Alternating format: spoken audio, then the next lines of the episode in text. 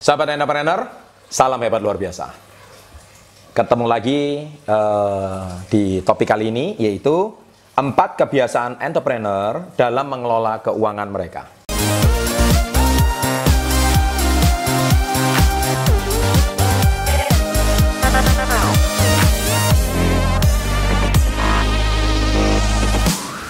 Baik, jadi Sadarkah Anda bahwa para entrepreneur itu, para pengusaha itu yang sukses ya, bukan asal-asalan pengusaha. Mereka itu pasti mempunyai tips dan mempunyai disiplin dalam mengelola keuangan mereka.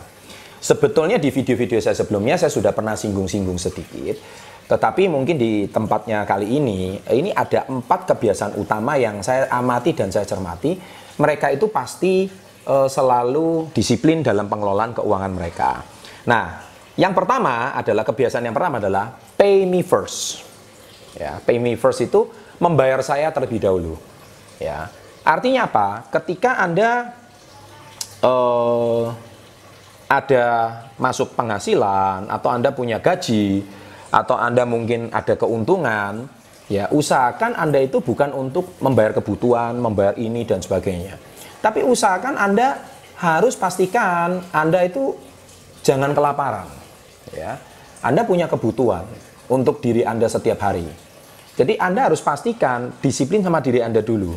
Jadi contoh kalau Anda tidak menabung di video-video saya sebelumnya, pay me first itu kata menabung. Menabung ini nomor satu. Ya, jadi kalau dengan Anda menabung, maka nih saya aset Anda akan terus berkembang. Ya, jadi saran saya untuk di channel ini, Anda tonton video-video saya yang lain. Ya, di situ sudah saya bahas cukup banyak. Nah itu kebiasaan yang pertama. Jadi mereka bukan pay all first, tapi mereka pay me first. Ya, itu kebiasaan yang pertama. Nah, yang kedua adalah para entrepreneur itu pasti orang yang hemat. Ya. Kelihatannya gaya hidup mereka mewah, kelihatannya mungkin mereka punya uh, gaya hidupnya luar biasa, tapi sebetulnya itu cuma sebagian kecil dari penghasilan mereka dan jangan-jangan itu pun penghasilan bukan penghasilan utama mereka tapi dari bunga mereka, dari hasil aset mereka sehingga mereka bisa punya gaya hidup yang mewah. Nah, ini penting sekali. Dan itu tentunya dengan pay me first dari yang kebiasaan yang pertama, itu seperti self reward. Self reward itu seperti penghargaan pada diri sendiri.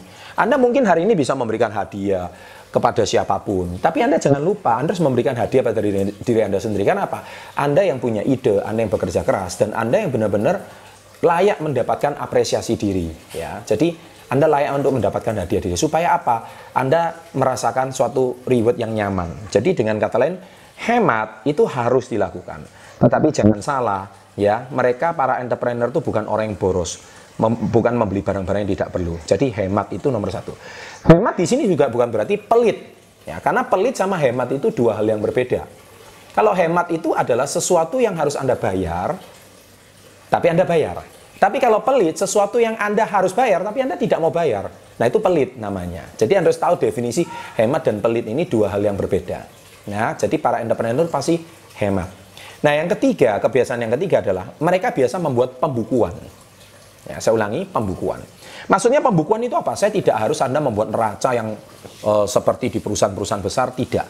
Tapi pengertian pembukuan di sini itu pisahkan antara pengeluaran usaha Anda sama pengeluaran pribadi. Ya, jadi pastikan supaya Anda itu punya disiplin.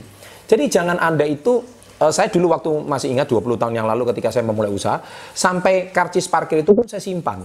Ya, saya tulis satu hari ini saya keluar uang sekian untuk beli pulsa, saya uh, sekian untuk setiap hari ini untuk saya makan siang. Nah, itu semua saya tulis. Ya. Anda mungkin mengatakan, "Ih, kok bisa seperti itu?" Tapi itu kebiasaan.